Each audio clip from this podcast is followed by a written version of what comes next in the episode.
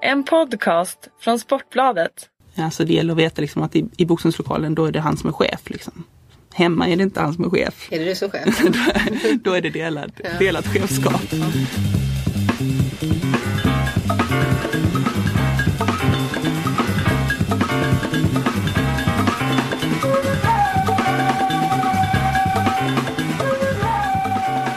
Då säger jag hej och välkommen till Anna Laurell. Hej! Du fick eh, besöka en sportredaktion för första gången. Du är alltså på Aftonbladets redaktion och hälsat på Sportbladet. Eh, Det är här vi ska skriva om dina OS-framgångar snart. Jag ser fram emot Jaha. det. Har du, kul. du har aldrig varit på en redaktion innan? Inte på den här eh, redaktionen. Inte varit. Hur mycket sport läser du?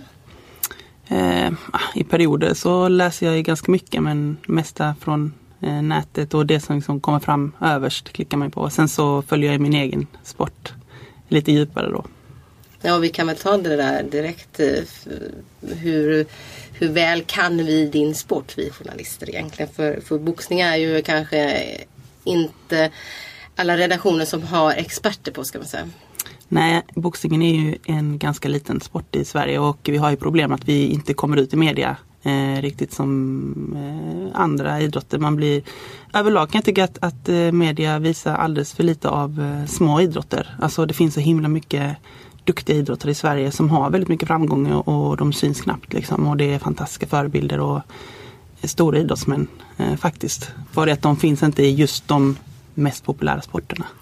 Är de eh, bästa frågorna du har fått då? Jag skulle säkert kunna ställa någon, jag kan inte boxning alls. Bästa som- eller dummaste? Du, ja, dummaste kanske är roligast höra. Eh, nej men man kan ju få riktigt dumma frågor som att liksom, hur känns det att få slag på bröstet till exempel. Eh, jag har knappt fått några slag på bröstet så jag menar varför ställa frågan och skulle du ställt den till en man? Liksom. Alltså, och eh, är du inte rädd för att eh, eh, du ska bli alltså, fel på din näsa eller att du ska liksom att ditt utseende ska ändras. Liksom. Det är inte saker som jag riktigt tänker på. Men jag tror inte Så de det är hade frågat en... nej, Det är mer utseende grejen då? Är, är det en Det är nog de, det, är, det skulle jag säga att det är en könsfråga. Men det är nog eh, några av de dummaste frågorna jag fått. Inte om du är rädd, för det skulle jag tycka var en befogad fråga. Eh, om jag är rädd, eh, den frågan har jag också fått. Men den, Men den håller, inte. Nej, det är inte en dum fråga. Därför att eh, det är klart att man är rädd. Men du är inte rädd för att liksom få ett slag.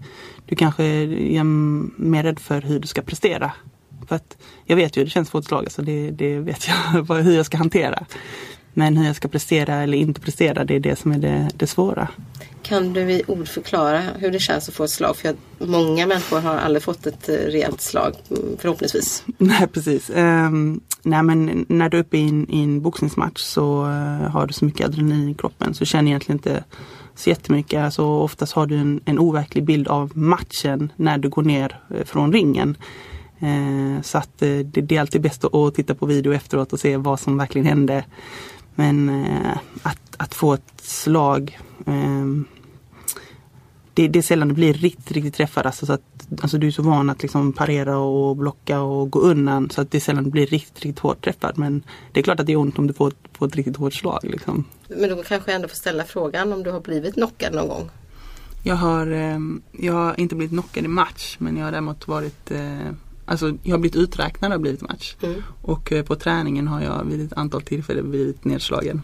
Så ja, jag har aldrig, aldrig varit avsvimmad eller så. Då var det killarna som har gjort det, inte någon tjej eller? Nej, faktiskt inte. Ja, i match har det ju varit Ja, tjejer. och om de har förstår jag, men jag varit, tänker på eh, träningarna. mm. Ja, jo, nej, jag kör ju rätt mycket med grabbarna. Så Mm. att, eh, och speciellt då när jag var ung så eh, som jag var teknisk och, och rörlig så eh, var det deras chans liksom att nu fick jag nog med Annas jabb så då gick de in och sänkte mig i kroppen. Då låter de händerna tala lite. ja också. precis. Men eh, nej men så det hände väl ett par gånger men det, ah, det var inte farligt. Alltså, sänka i kroppen det är ingenting som skadar dig Nej. eh, något längre. Men eh, det jag tänkte komma tillbaks till det var faktiskt eh, det här med, med att boxning är farligt. Liksom. Och, jag tror att, att man, man som, eh, som boxare liksom, och, och du frågade innan om, om Frida eh, händelsen har påverkat mig. Liksom. Och jag tror att egentligen är detta frågor som jag har tänkt på väldigt mycket innan. Liksom. Och det är ju för att man är delaktig i sporten, man har, man har sett att det har hänt saker tidigare. Eh, och eh, jag tror att alltså, allting handlar om vilka människor du omger dig med och hur du tränar i din vardag så att säga. Det som händer i match det, det är en produkt av det som du har gjort under, under väldigt många år. Liksom. Så att eh, eh om, om du ska skydda dig från, från skador i huvudet till exempel eller liksom eh, andra träningsskador, alltså som axelled eller ont i ryggen mm. eller knä. Eller, eh, då handlar det om hur du tränar. Så att eh, mm, går du ha matchsparring varje dag, det är klart att du har en ökad risk att liksom få, få skador. Liksom. Mm. Men om du, om du tänker efter lite liksom, och har ansvarsfulla ledare runt omkring dig så tror jag inte det är någon större risk. Liksom. Du var inne på det själv också att groggy det, det händer även dig att du blir? Det händer ja, men ja. det är inte så att det, det händer inte ofta liksom. Men det har hänt. Mm. Men då är det på match eller? Eh, ja det, det har nog hänt eh, på träning också. Men, eh, men eh, alltså för det mesta kör vi inte så tufft på träningen. Men, men det är klart att, att ibland kan det hända. Att det kan hända någon gång. Liksom. Men det, eh, det är väldigt, väldigt sällan. Du har inte behövt, du har liksom inte vilat för någon form av hjärnskakning eller? Det har jag aldrig behövt göra. Men däremot så alltså har, har jag haft väldigt tuff sparring. Eh, till exempel. Då vilar du alltid efter det från sparring. Du, du kan ju träna annat liksom men eh, det är bara någonting som man gör för att det är onödigt att utsätta sig själv för fara. Så att liksom har du haft tuff sparring då planerar du in att du ska inte köra tuff sparring nästa dag och inte nästa vecka utan ett par veckor senare. Liksom. Sunt förnuft? Ja.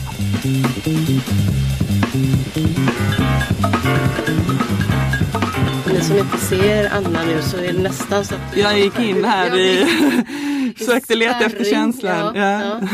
Eh, väldigt karaktäristiskt eh, rörelsemönster som, som ni utvecklar givetvis. Eh, är du eh, skitbra på reflexer överhuvudtaget eller?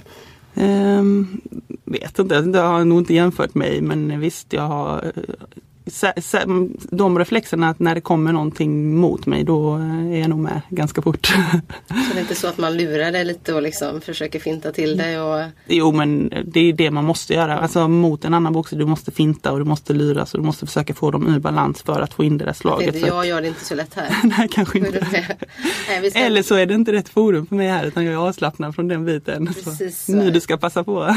Ja precis, det är nu jag ska sätta in eh, liksom en rak öga. Nej, ja. men vi ägnar oss åt samtalet här så det går lite lugnare till. Men du, dagen efter då, nu hamnar vi i ett spår men det är intressant ändå för oss som aldrig känt på det på det sättet. Det gör inte ont kanske när du får ett precis har fått ett slag men, men hur kan kroppen kännas dagen efter? Man kan ju vara ganska mör. Eh, men jag tror att det är lite annorlunda. Eh, jag är amatörboxare och vi går bara fyra ronder så det hinner inte bli så sönderslagen som jag vet att i, i vissa proffsmatcher så, eh, så kan det vara rätt illa däran dagen efter faktiskt. Och de har ju också andra handskar. Liksom. Vi har ju lite tjockare, mer värderade handskar. Eh, så visst, du kan ju ha en liten blåtira och ofta har du eh, lite märken på armar och, och sådär. Eh, men däremot efter en hel turnering, för att vi går ju turnering så vi går ju vi går ju visserligen bara de fyra ronderna men sen ska vi göra det dag på dag på dag. Så att efter en turnering så kan man vara lite mör faktiskt. Eh, men det, det är okej. Okay. Alltså man, har, man har kämpat och man, man är ju oftast slut och oftast slut mentalt liksom. För att du har fokuserat så mycket och, och sådär. Så tänk inte så mycket på det. Hur ser du på proffsboxningen då? Eh, jag är ju för att man ska införa eh, helt fri proffsboxning i Sverige. Eh, det handlar om att Eh, man måste skydda deltagarna självklart liksom och jag tror att idag så, så stänger vi ut en stor grupp av människor som inte får lov att utföra sin sport i Sverige idag. Det, det är fel. Liksom. Det finns väldigt duktiga svenskar idag som eh, måste boxa utomlands. Eh, för att de får inte lov att gå titelmatcher och så i Sverige och eh, det gör att, att eh, vi, vi, kan inte skydda dem liksom, från dåliga promotorer och liksom bli matchade på ett dåligt sätt. Liksom. Eh, så det är lite synd. Utsätter man egentligen dem för större jag, risker? Jag skulle, dem, ja. jag skulle säga att man gör det. Ja. Eh, för att i Sverige kan vi följa våra eh, regler och vi kan ta hand om våra boxare och liksom matcha dem på rätt sätt. Och, eh, om man då har liksom, regler för hur man ska väga in och eh, när domaren ska bryta och sådär då, då kan man reglera det på ett annat sätt än, än i andra länder där man kanske inte alls bryr sig om, om personen i fråga är vi för, ehm, eller att vi har de eh, förbudet i Sverige ehm, vad tror du det beror på? Är det den liksom svenska synen på att det är för våldsamt eller, eller vad, vad, vad ligger liksom kärnan i att det har blivit så? Um, okunskap skulle jag vilja säga. Alltså de flesta för mig, för mig eh, jag började boxas um, egentligen inte för att jag valde att gå ner i boxningslokalen själv. Jag, jag gick ner i boxningslokalen för att bara träna. Det var en bra träningsform. Jag hade bara sett liksom boxning tidigare på Eurosport. Eh, och då tyckte jag att det var ganska liksom blodigt. Eh, och ville själv, jag ville själv inte gå in i ringen liksom, utan jag ville bara liksom slå på säcken och, och, och fysträna. Eh, men det man lär sig när man kommer ner i boxningslokalen är att nummer ett så lär du dig att eh, alltså försvar först. Liksom. Så att det kan se ganska tufft ut men du vet ju hur du ska försvara dig. Och det är klart att du åker på en smäll då och då liksom. Men jag tror att det gör de flesta idrotter. Faktiskt. Så att det är ganska mycket okunskap bakom och eh, jag själv tyckte att, att boxning var en farlig sport när jag gick ner i boxningslokalen första gången och jag hade absolut inte tänkt eh, köra själv. Liksom. Men jag en, har ändrat mig totalt. Liksom. Så att jag tror att det är mycket okunskap och att folk inte vet liksom, vad är boxning. Liksom. Det är otroligt mycket teknik och eh, när, man, när man kan boxning så kan det vara eh, ganska vackert ibland att se. Ja, det är på ett sätt ett, eh, brukar jag tänka, ett så här urmoment i många, många liksom nästan all idrott för det är man, man eller kvinna, kvinna då, men det är liksom en mot en. Liksom, det är väldigt avskalat ändå. Liksom. Mm. Eh, det brukar, ja, så brukar jag se på det ibland att, att, att, att det är det där momentet. Liksom. Ja. Och, och, det finns ju återkommande i alla idrotter på ett sätt. Det är, ja absolut, alltså alla idrotter är ju, även när det är lag så är det individuella prestationer ändå. Eh, kan jag tycka. Och vi som är individuella, vi har ju också ett lag bakom oss på ett sätt. Alltså vi, eh, antingen har man sitt team, alltså så att man är ju aldrig ensam så. Men det är klart att när man står där uppe och ska utföra sin prestation, då är man ensam. Eh, och det finns, det finns ganska mycket charm i det tycker jag. Alltså det, det blir otroligt spännande. Det är en väldigt begränsad yta. Ja. du känner dig aldrig instängd? Så här, så här, vad är flyktvägen? Eh, nej, eh, det kan vara, jag gillar ju, man kan, det finns olika storlekar på ringarna. Mm. Eh, jag gillar när det är lite större för då kan man välja då kan jag välja liksom hur jag vill boxa, om, om jag vill eh, stänga in den andra eller om jag vill liksom kunna röra mig mycket. Och ofta vill jag kunna röra mig mycket så då är det bra att ha space. Liksom. Sen man, om man är tvungen att boxa i en lite mindre ring, vilket man kan göra ibland på vissa galor och sådär. Eh, då är det mer begränsat vilken typ av boxning du kan utföra. Du får ingen klaustrofobi då? Nej, nej verkligen inte. Du hittar en väg ut? Ja. Du, eh, du sa ändå, det här tycker jag är intressant ändå. Jag, jag tillhör nog de som har försökt förstå. Alltså jag var nog fördummande från början. Nu kommer, kommer allt här. För, lite fördummande från början när jag var yngre och sen har jag träffat boxare som har försökt förklara, så har försökt att förstå liksom, tjusningen i sporten och just det här som, som momentet som ändå är alltså att det verkligen är avskalat. Att det är du och, och en motståndare, det är en begränsad yta och det handlar egentligen om liksom, att tekniskt och fysiskt liksom, övervinna den andra. Och det är ett moment som är, då blir väldigt enkelt. Men mm. det här som du sa innan att eh, att för dig var det också farligt och blodigt och så här. Mm. Hur lång tid tog det i boxningslokalen liksom, innan du övervann den alltså det, motståndet? Det, eller det motståndet? Det gick rätt fort. Ja, kan okay. säga. Så det började med att eh, jag gick ner dit och, och bara var med på några träningspass och sen så eh, i många träningsmoment då gör man parövningar så att du, du jobbar med någon annan liksom. Och då Eh, jobbar man först utan handskar liksom, så att man, man gör olika lekar mot varandra liksom, för att träna reflexerna och för att träna rörelser. Och sen, eh, sen i nästa steg då så tar man på sig handskarna. Så att det var liksom en gradvis här, men det gick rätt fort. Eh, det tog inte lång tid innan jag, innan jag var i ringen och körde. för det, otro, det är otroligt roligt. Alltså, och det, det, hade jag inte förväntat mig heller att det skulle vara så kul. Men det är det som driver mig lite grann idag, att, att jag tycker det är så roligt.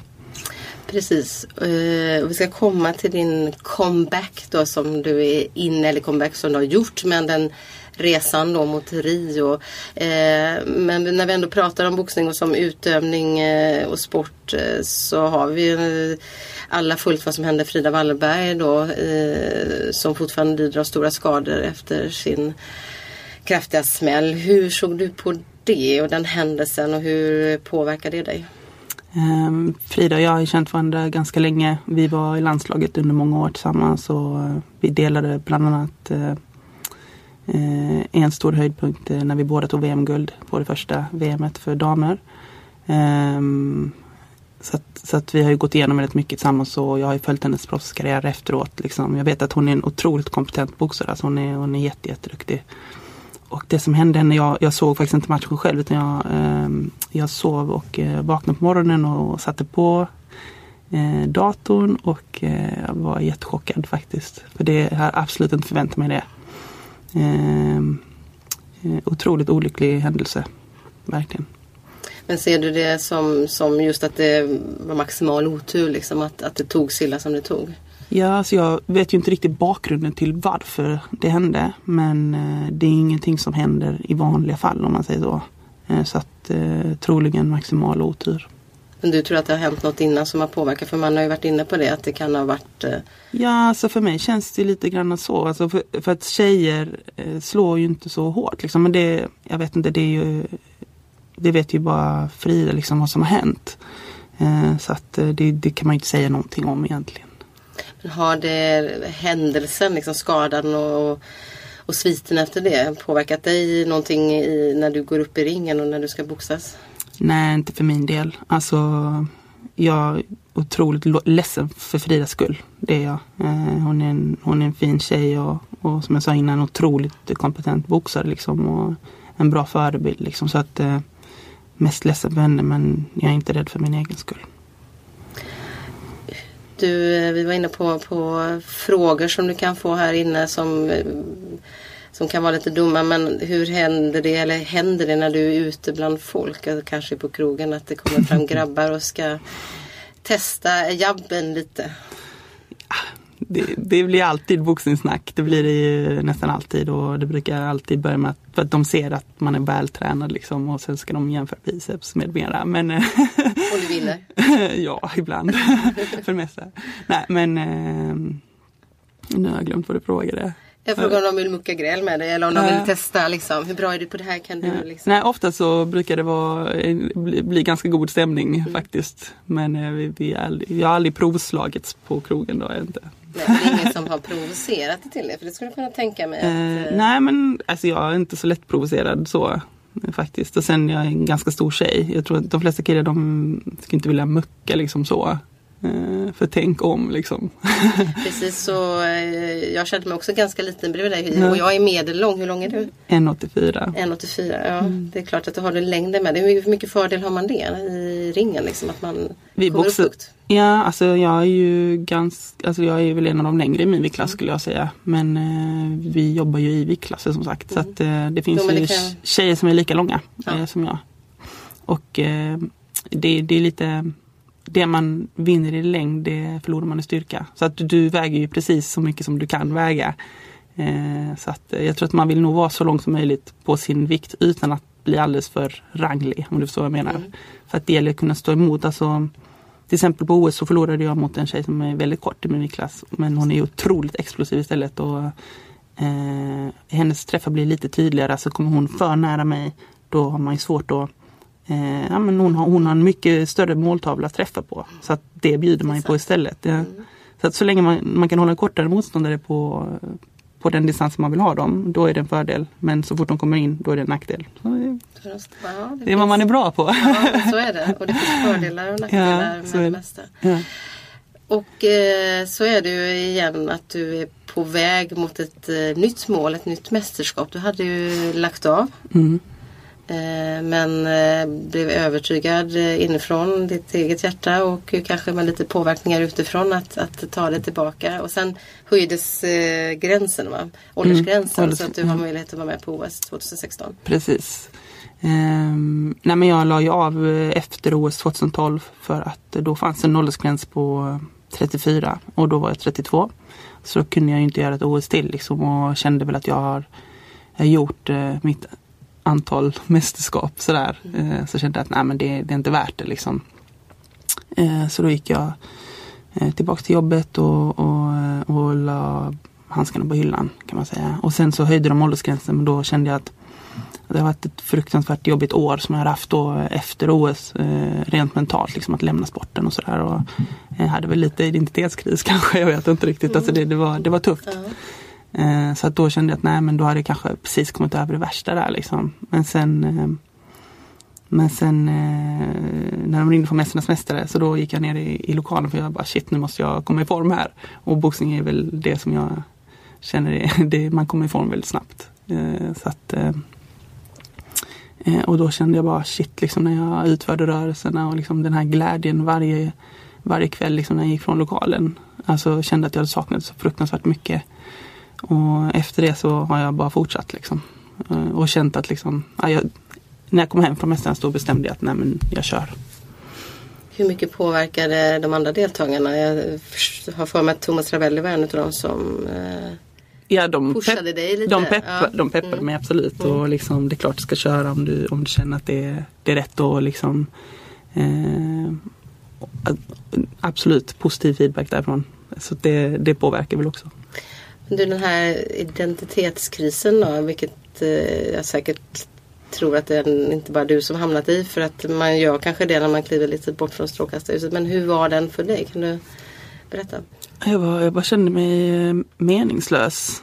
Eh, Och det, det är jättesvårt att förklara därför att jag har ju egentligen eh, så himla mycket saker i mitt liv. Liksom jag eh, hade ett jobb att gå tillbaka till, alltså en doktorandtjänst som i sig är otroligt utmanande och liksom man jobbar mot mål och eh, jätteroligt liksom. Jag har en fin familj, jag har en man, jag har, jag har allting i livet. Det finns egentligen inget jag kan klaga på. Så att eh, alltså, blir nästan lite arg på sig själv också och jag har en, en fantastisk idrottskarriär att titta tillbaks på.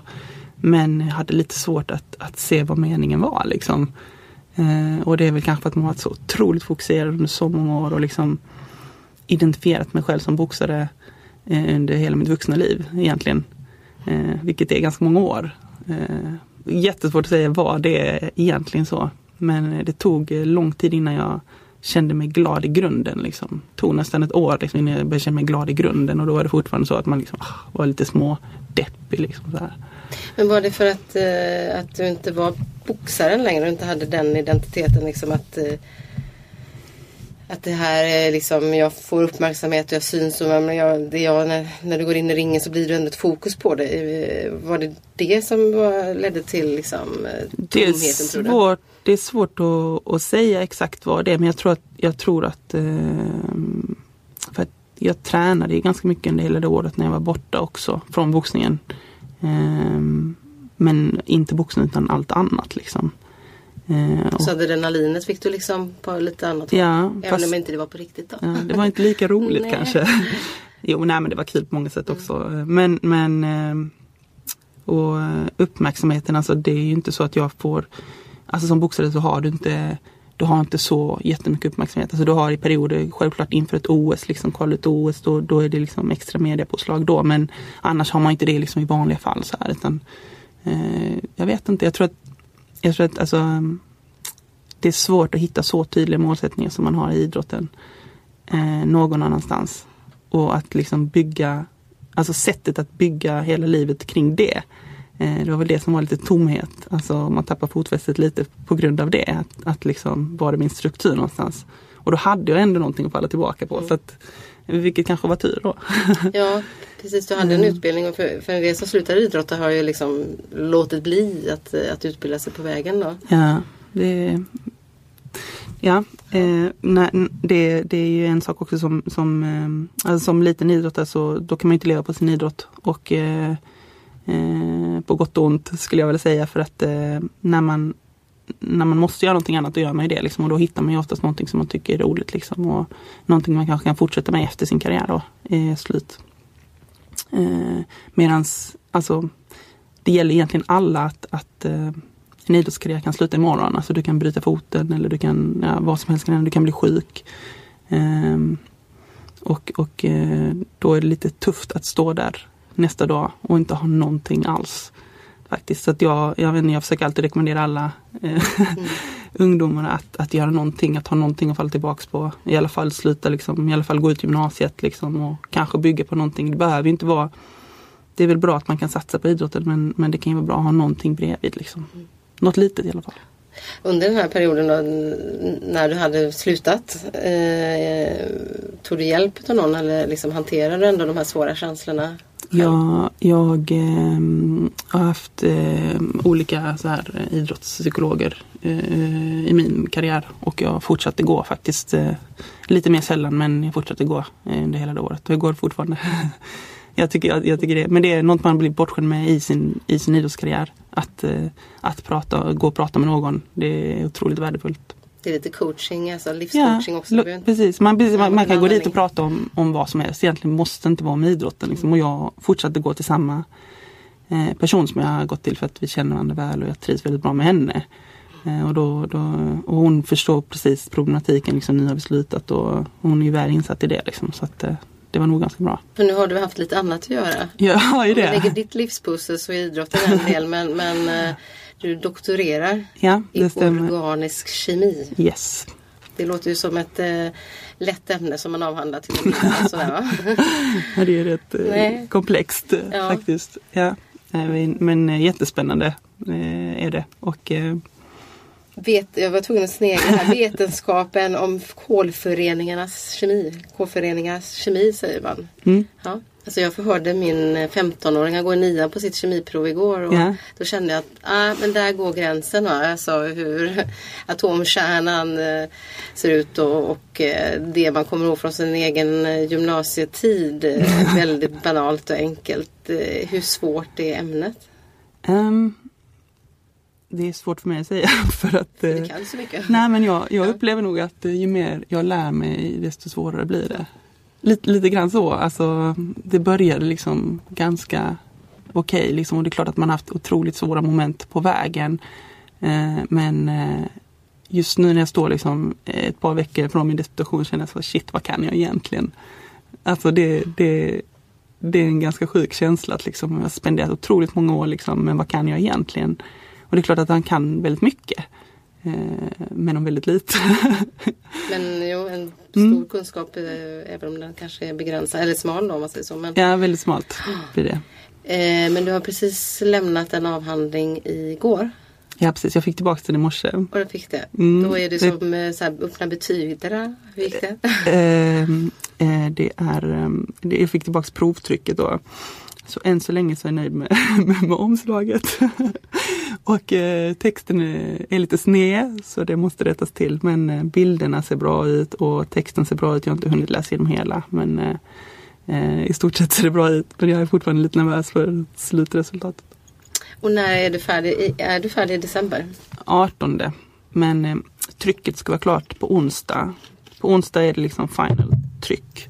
Eh, så då måste liksom provtrycket ha sett snyggt ut innan dess. Eh, så på onsdag skickas det iväg och sen får jag alla avhandlingar så måste de skickas ut. För att sen ska man skicka till eh, min opponent som är en dansk professor.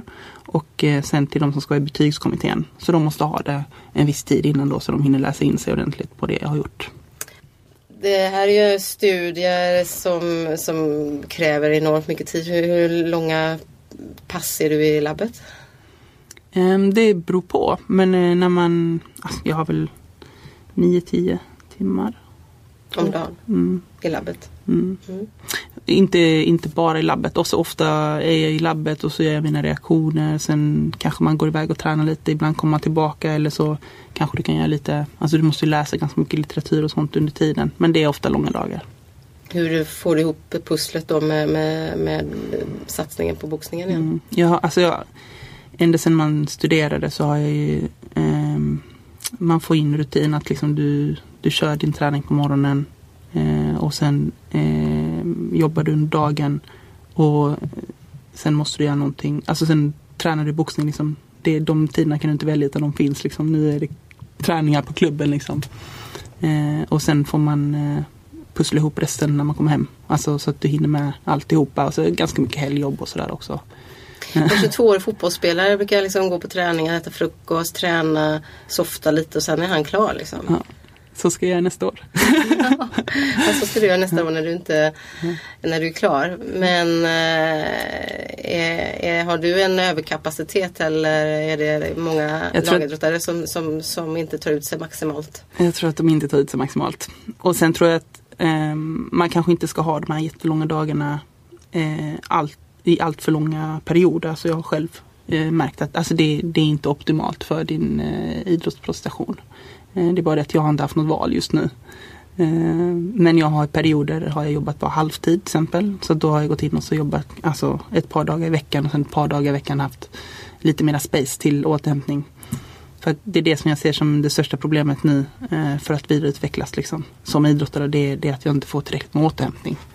Så att det är det, det vi ska stoppa in här så att det ska bli bra.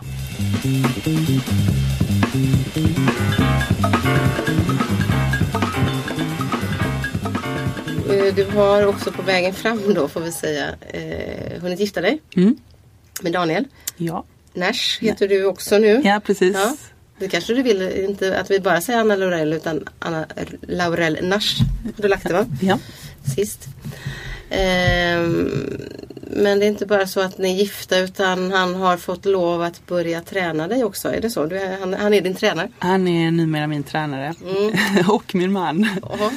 Eh, nej men det var lite... Ingick det någon slags så här äktenskapsförord? Att om du säger ja så får jag lov att träna dig. För du har inte, du har inte låtit honom göra det innan va?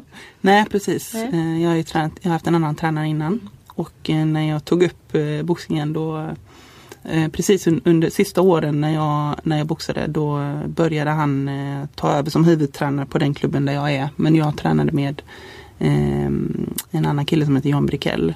Eh, honom har jag tränat med i väldigt många år. Eh, och eh, sen när jag eh, ville komma tillbaka då är det klart att jag bollar väldigt mycket med min man. Liksom. Eh, I mycket känslor liksom ska man komma tillbaka och det är inte bara så att bestämma sig att liksom, du kommer tillbaka utan det är, en, det är en ganska stor satsning man gör. Eh, som påverkar privatlivet otroligt mycket. Så det är bra att ha med honom på resan lite grann. Faktum är att, att det är väldigt bra. Nej men det, det är ett beslut som eh, man, man eh, måste nästan ta det tillsammans. Alltså du, jag kan inte bara köra mitt race. Eh, utan det- det är väl så i alla förhållanden att man liksom, om inte han hade varit med på tåget då hade det varit lite svårt tror jag. Faktiskt. Men sen att Men nu är han faktiskt liksom inte bara med på tåget utan också med i ringen. Han är Eh, delaktig där, ja, precis. då, hur, hur funkar det? Eh, Ja, jag behöver inte säga något mer. Hur funkar det? Um, nej, fa- faktiskt så funkar det ganska så bra. Ehm, vi har ju våra duster ibland kan man ju säga. Men um, alltså det gäller att veta liksom att i, i boxningslokalen då är det han som är chef. Liksom. Hemma är det inte han som är chef. Är det du som chef? då är det delad, Ja. delat chefskap. Ja.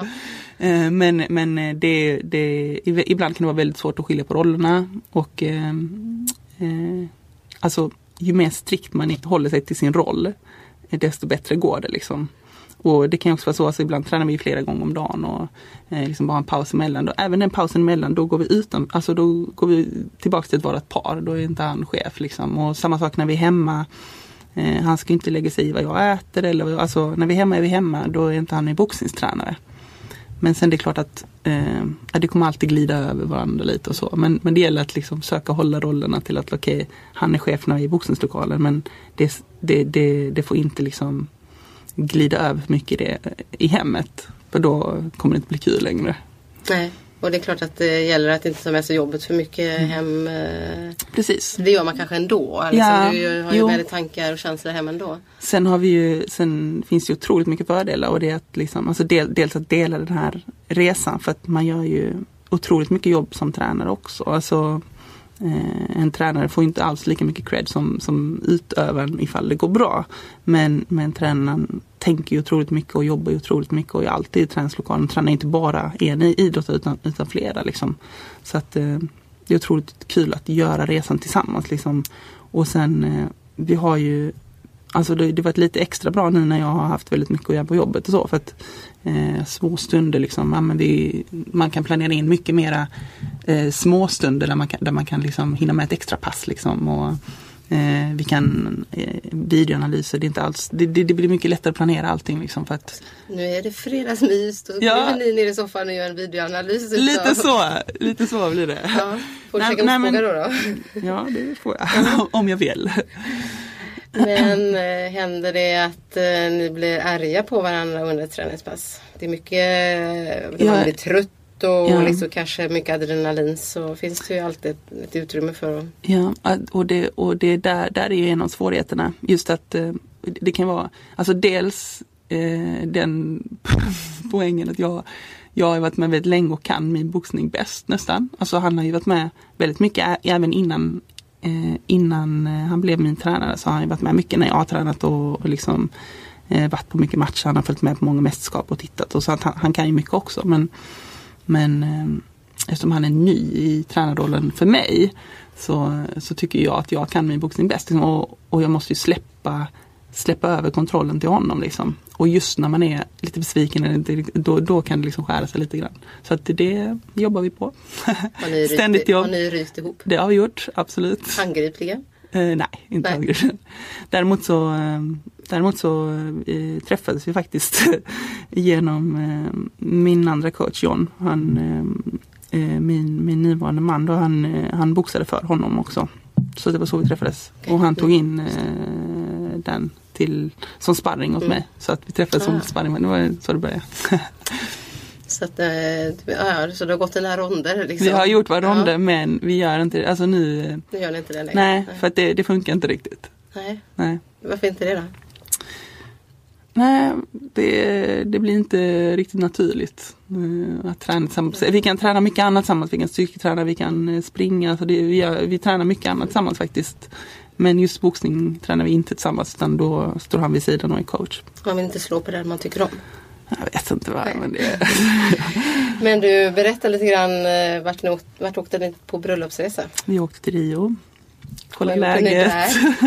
vi kollar läget Okej. Tillsammans. Och sen... eh, Och kolla läget, eh, OS-arenan? Ja, eller? det eh, kanske inte finns? Eh, då fanns den inte Nej. riktigt kan jag säga. Det var väldigt spännande för det, det var ju innan fotbolls-VM. Liksom. Så att när vi sökte fråga liksom Olympic Olympics och de bara World Championship. så de, De de var helt, eh, ja. Men vi, alltså, det finns ju rätt mycket på nätet. Man kan se var någonstans alla arenor ska vara och så här. Så att vi var ju runt lite grann och eh, vi hittade där de ska ha Olympic Park. Eh, men det var bara, alltså det var ingenting liksom. Det var, Hur ser det ut just eller hur såg det Nu- ut nu? Ja, nu vet, nu inte, vet jag inte, det var ett år sedan. Men då var det alltså en byggarbetsplats och inte mycket byggnader kan jag säga. Alltså det var, det var inte mycket gjort. det blir spännande att se hur de ska få ihop det där.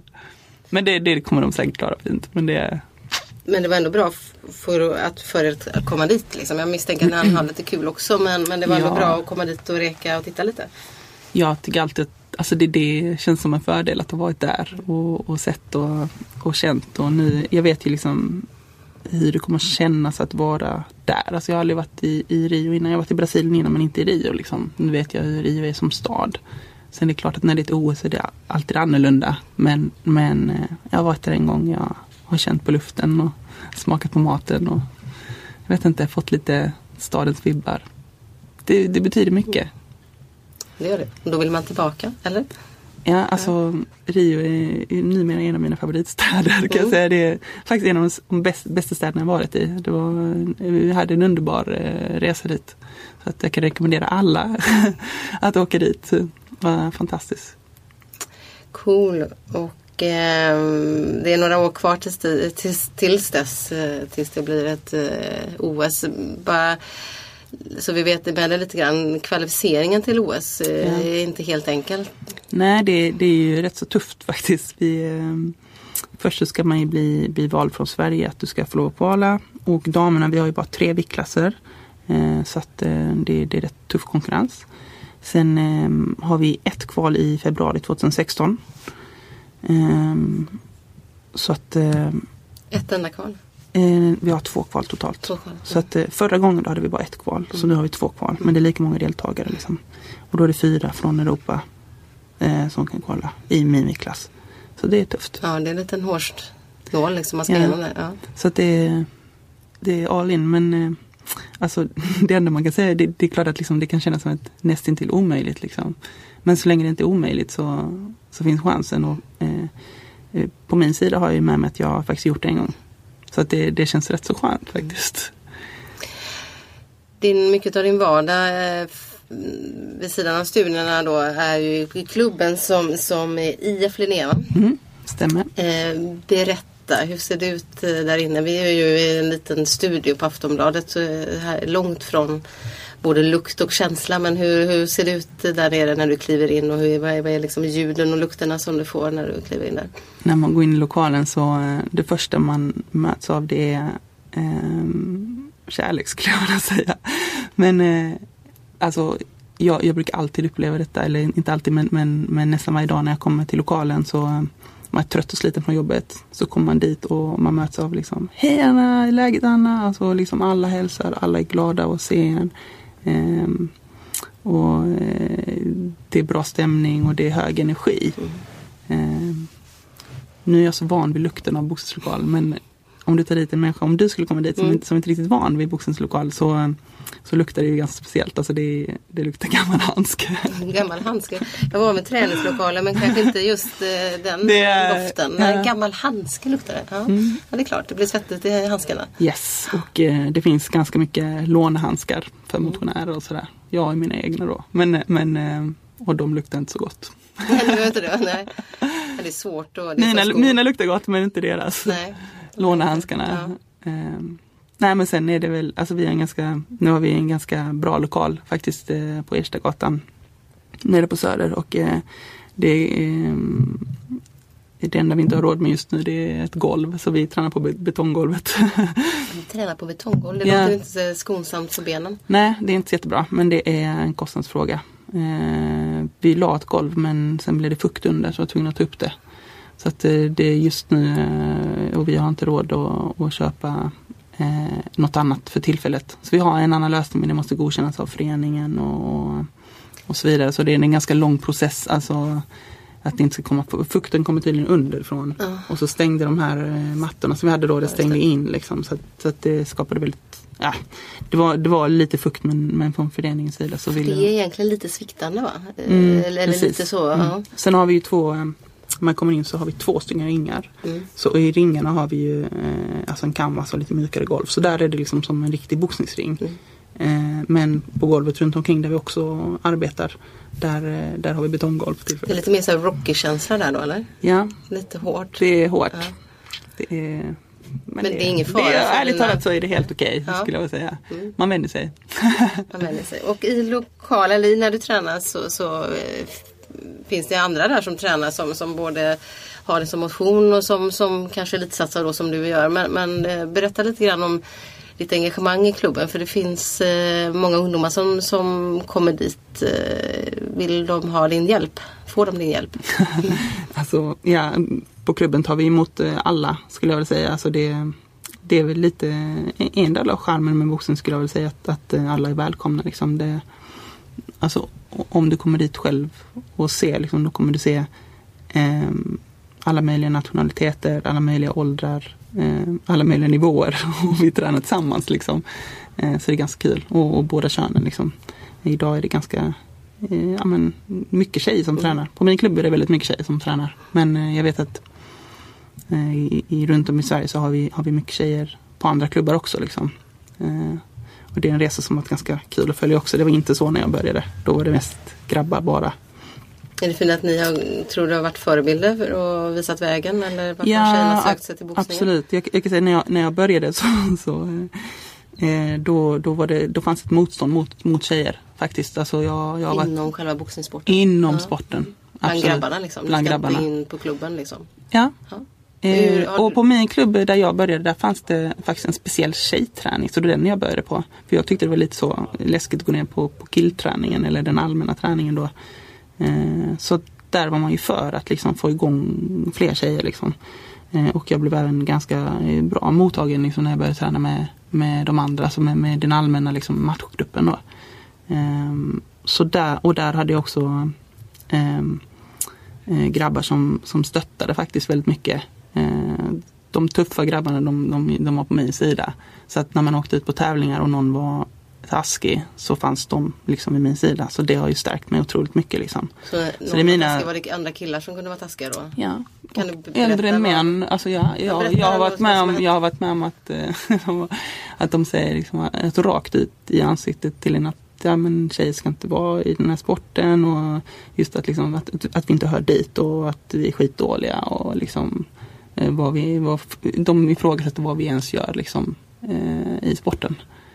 Och då är Och det det- är ju rätt, alltså det, det är rätt, alltså, när man lägger ner så mycket tid och så mycket själ i det man gör liksom och jag vet själv att jag, jag tränar mycket mer än, än många andra liksom.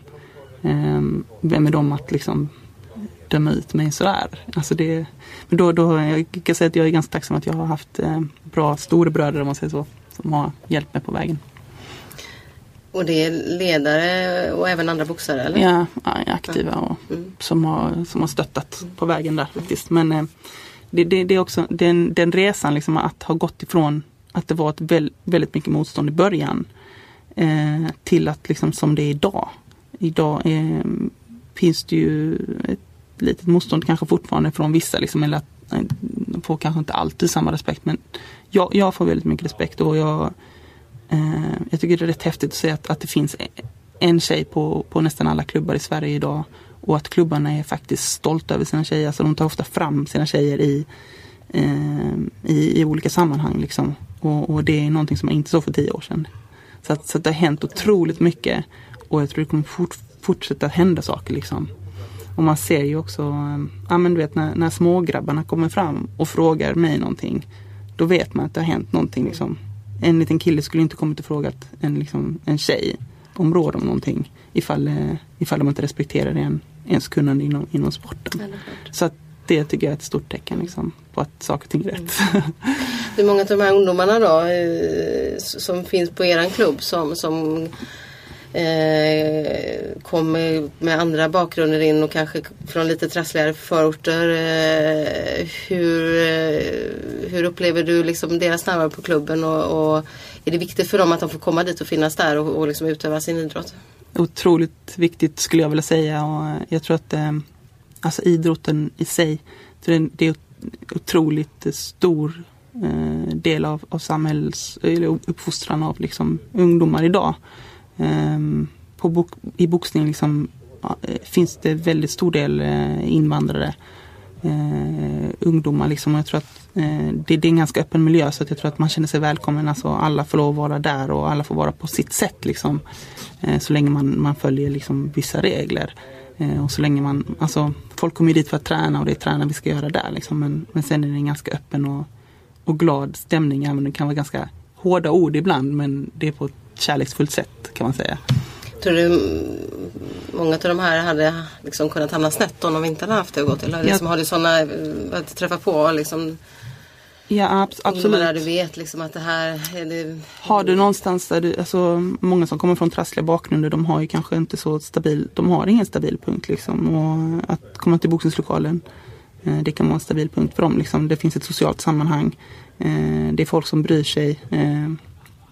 Det blir liksom, kommer du mycket och tränar mycket då blir du del av en, av, av liksom Alltså även om vi är individuella idrottare så strävar vi alla mot samma mål. Eh, så man blir en del av det liksom och att, att vi stöttar varandra otroligt mycket. Vi går ju på varandras matcher och hejar och eh, man pratar väldigt mycket om, om livet och, och vad man ska göra, om man ska studera eller om man ska hur ska man klara att betala hyran och eh, få ungdomarna eh, väldigt mycket om, om livet runt omkring och sådär. Så att de, de, de får ju ett socialt sammanhang att komma till liksom och eh, en stabil punkt i livet kanske. Eh, sen är det vissa som hamnar snett ändå men det är svårt att göra någonting åt det. Liksom. Men Jag tror att eh, man ska inte underskatta idrottens betydelse för, för samhället. Faktiskt. Och det är inte bara boxning. Jag tror att boxningen, många kampsporter tar upp väldigt mycket och det finns en, en öppnare miljö. Alltså det är inte så selektivt utan man är välkommen som man är. är kampsporten bättre där kanske än många andra idrotter? Jag vet inte men jag, jag tror att, att eh, jag tror att just för att det, är- det är inte så uppdelat i tidig ålder i ålders liksom och vem är A-grupp och B-grupp utan du får lov att utvecklas i din egen takt. Mm. Du kan även börja, alltså om du är 25 och vill börja så är du välkommen. Om du är 40 och vill börja så är du också välkommen. Mm. Liksom. Även om du kanske inte kommer bli världsmästare om du väl när du är 40 så är du välkommen att komma och träna ändå. Liksom. Så det gör att det blir en väldig blandning liksom, av människor där. Medan eh, alltså jag, jag tror att i fotbollen till exempel där är det ju där är det också en otrolig blandning men det är väldigt så ålderkategoriserat och det blir väldigt det blir liksom när de är, inte vet jag hur gamla de är, men 7-8 år så, så ska de redan liksom indelas i A-lag, och B-lag och C-lag och sen är det väldigt svårt att byta det laget. För sen kommer det alltid vara i C-laget liksom. Har du chans att komma upp till A-laget, det blir svårare att avancera där. apropå det, nu kommer en personlig fråga men du har gift dig och ska till OS. Eh, Funderar du inte på barnafrågan? jo, det är klart att jag har tänkt på barn också. Eh, jag har inte varit så jättesugen. Eh, jag har fem småsyskon. Eh, så jag vet hur det är att byta blöjor kan man säga. Du har gjort det? Jag har lagat en del middagar, bytt mm. en del blöjor. Och det har varit underbart men jag har inte haft så bråttom att få barn om man säger så. Och visst, efter OS då är jag 36 så att det behöver bli dags då kanske. Ja, perfekt ålder kanske ja, också. kanske det. Vi får se. Ett, eh, jag tror att det viktigaste är att man själv är redo. Liksom. Alltså det, det känns som någonting otroligt stort att få barn. Liksom. Och, eh, det gäller att det gäller att eh, vara redo för det.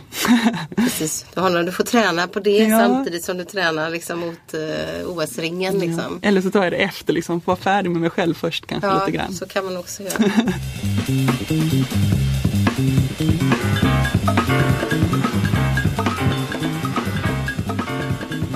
Nu ska du fundera lite här på slutet. Eh, jag skulle vilja att du berättar om en person, eller den personen kanske kan vara svårt att välja om du vill ta två, som har betytt mest för dig under din karriär. Jag vet. Du vet, varsågod. Mm. Vem har betytt mest för dig under din karriär? John Brikell, min eh, tränare som har följt mig i, eh, jag tror 11 år tror jag han tränade mig. Han eh, eh, är mycket nära vän idag. Alltså även om jag har bytt tränare och tränar med min man så eh, vi rings väldigt ofta. Så han lägger sig inte i någonting som vi gör träningsmässigt. Eh, men eh, eh vi har delat väldigt mycket på vägen. Och eh, när, man, när man tränar, eh, som jag nämnde innan, att när man gör någonting liksom, stort tillsammans. Liksom. Eh, vi har ändå vunnit ganska många medaljer tillsammans. Och hjälpt varandra på vägen otroligt mycket. Liksom, han har funnits vid min sida hela vägen. Så att, eh, eh han har betytt mest för mig under min boxningskarriär. Och eh, om du söker en kvinnlig förebild, en, den kvinnliga förebild som, som, eh, som du ser upp till eh, eller har sett upp till? Inom idrotten? Det får du välja fritt. Det är ganska, ja, alltså jag, jag funderade på det där, där för ett tag sedan och eh, det, jag, jag har nog alltid omgett mig, alltså jag gillar väldigt mycket att, att, äh, att umgås med män. Alltså jag vet att några av mina kompisar de tycker att det är lite svårt att umgås med män. Så, men jag tror att eftersom jag har varit i boxningsklassen så gillar jag att umgås med män. Men jag har alltid eh, haft mycket kvinnliga förebilder runt omkring mig.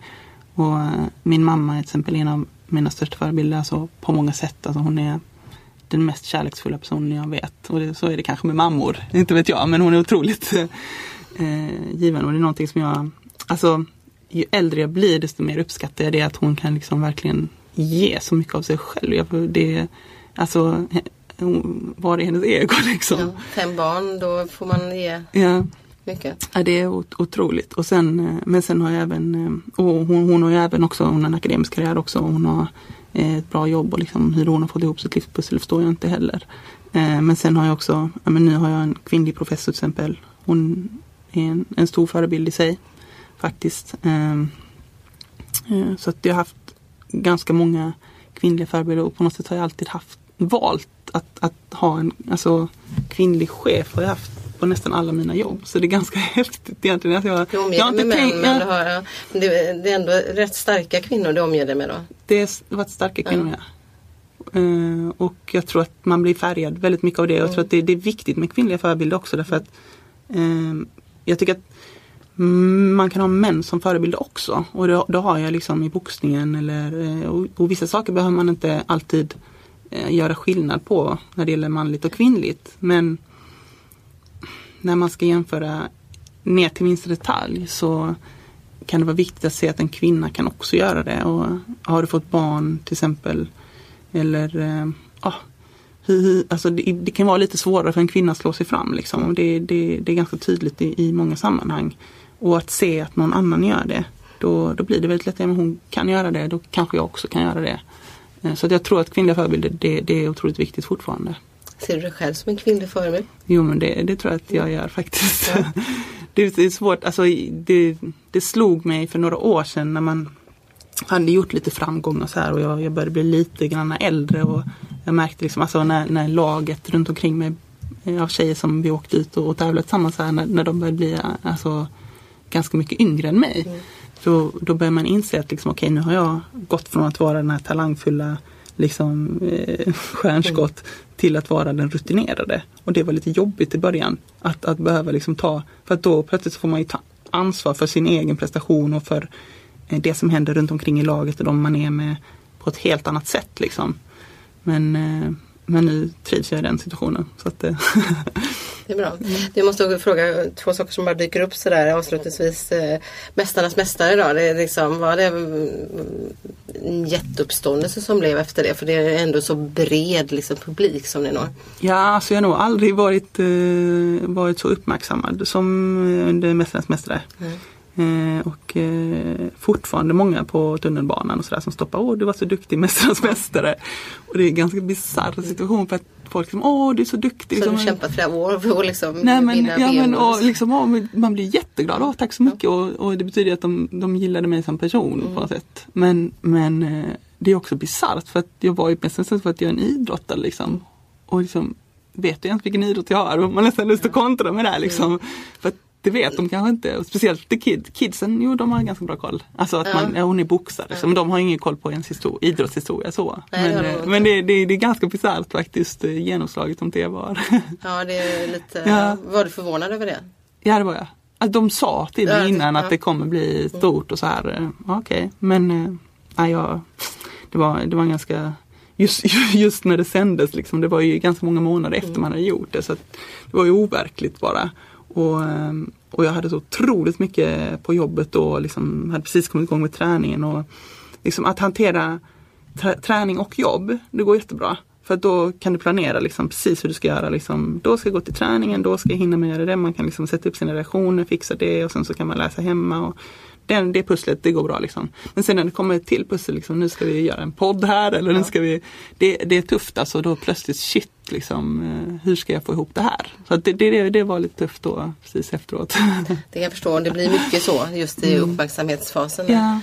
Eh, och en annan sak som jag vill eh, avslutningsvis eh, blir det kanske i sig lite tyngre ämne men det är ändå på något sätt som en karaktär karaktäriserat din, din eh, alltså kanske, eller borde ha gjort eller har gjort eh, ditt sätt att komma tillbaka. Så det är att du har haft problem med giftstruma mm. Eh, och gjort comeback liksom flera mm. gånger. Hur, hur, hur nära var det att du liksom tänkte att jag ger upp bara, bara för det här liksom för att du inte orkar? Det var, det var nog ganska nära.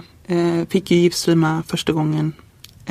de upptäckte det första gången på våren 2006 och då eh, var det ganska allvarligt. Alltså jag, jag hade en vilopuls på över 100 och liksom, alltså gick ner jättemycket vikt. Och, eh, eh, ja, men, det, alltså, då när de liksom, ja, men, kom på vad det var liksom, så var det ganska skönt först. Liksom, okay, ja, då, för då är man så illa däran rent fysiskt. Liksom, mm. Så att du tänker inte ens på någonting annat mer än att liksom, du ska vara frisk. Alltså, allting som man tar för givet annars att, liksom, att vara frisk och kunna gå upp på morgonen och gå upp för en trappa utan att ha problem.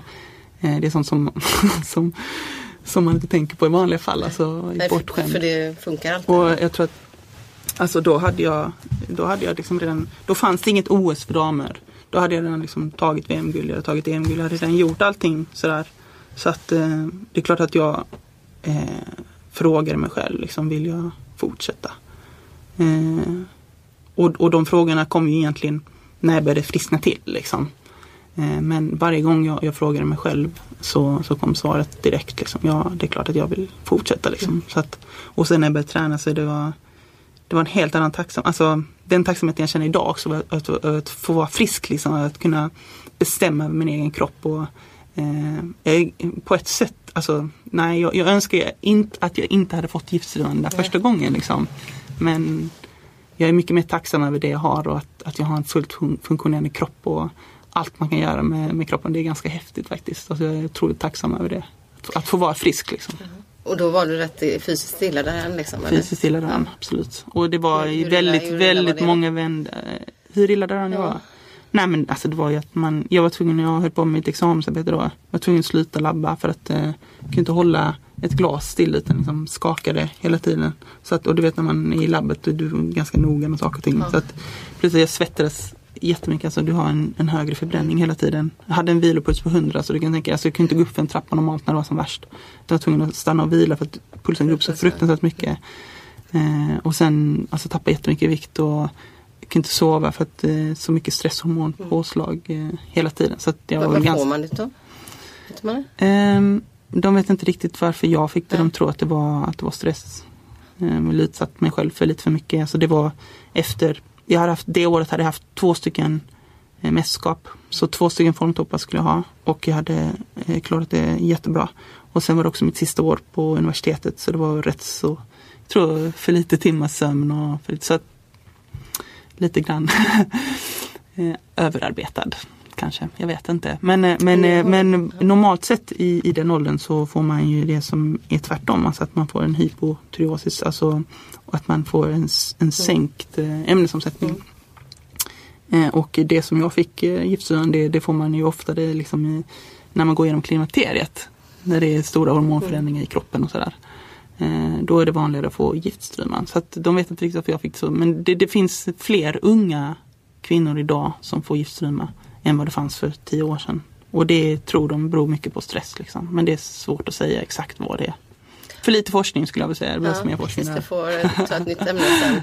Ja, ja, men du, eh, du eh, doktorerar, du satsar mot OS, du är här och poddar, du gör mycket annat. Du, men du håller dig, du har liksom ändå den erfarenheten av med dig så att du vet eh, Jag kan säga, jag hur kan du ska säga, balansera. jag kan säga att jag lovade mig själv att jag aldrig skulle överarbeta mig själv efter det där. Men det löftet har jag brutit många gånger. Och detta året har varit, eh, när, jag, när jag valde att göra comeback nu, så, eh, så gjorde jag det med, alltså, med vetandet att det kommer bli ett fruktansvärt tufft år. Liksom. Sista året som doktorand. Man jobbar väldigt mycket. Ehm, så att jag visste att det kommer inte vara optimalt liksom, under det året jag jobbar just med tanke på idrotten. Men det är bättre att, liksom, att sätta igång processen och börja och eh, vara med. Och sen så får man ta eh, om fem veckor eh, lite mer tid till återhämtning. Och så får man drömma lite om Rio och Copacabana och sådär så kanske det hjälper till. För att, Det var inte helt svårt att motivera sig själv kan jag nej, säga. jag förstår det. Bra, vi, jag får tacka dig så stort för att du kom hit och ville vara med och Tack eh, lycka till och eh, vi måste ju liksom återkomma med, med eh, jag vet inte om vi ska sända det här live sen när du ska upp liksom med ditt slutarbete. Har det varit något på nätet? Ja, jag får se, jag blir slaktad. Det tror jag inte. Jättestort Anna Laurell för att du kom hit. Mm, tack så hemskt mycket.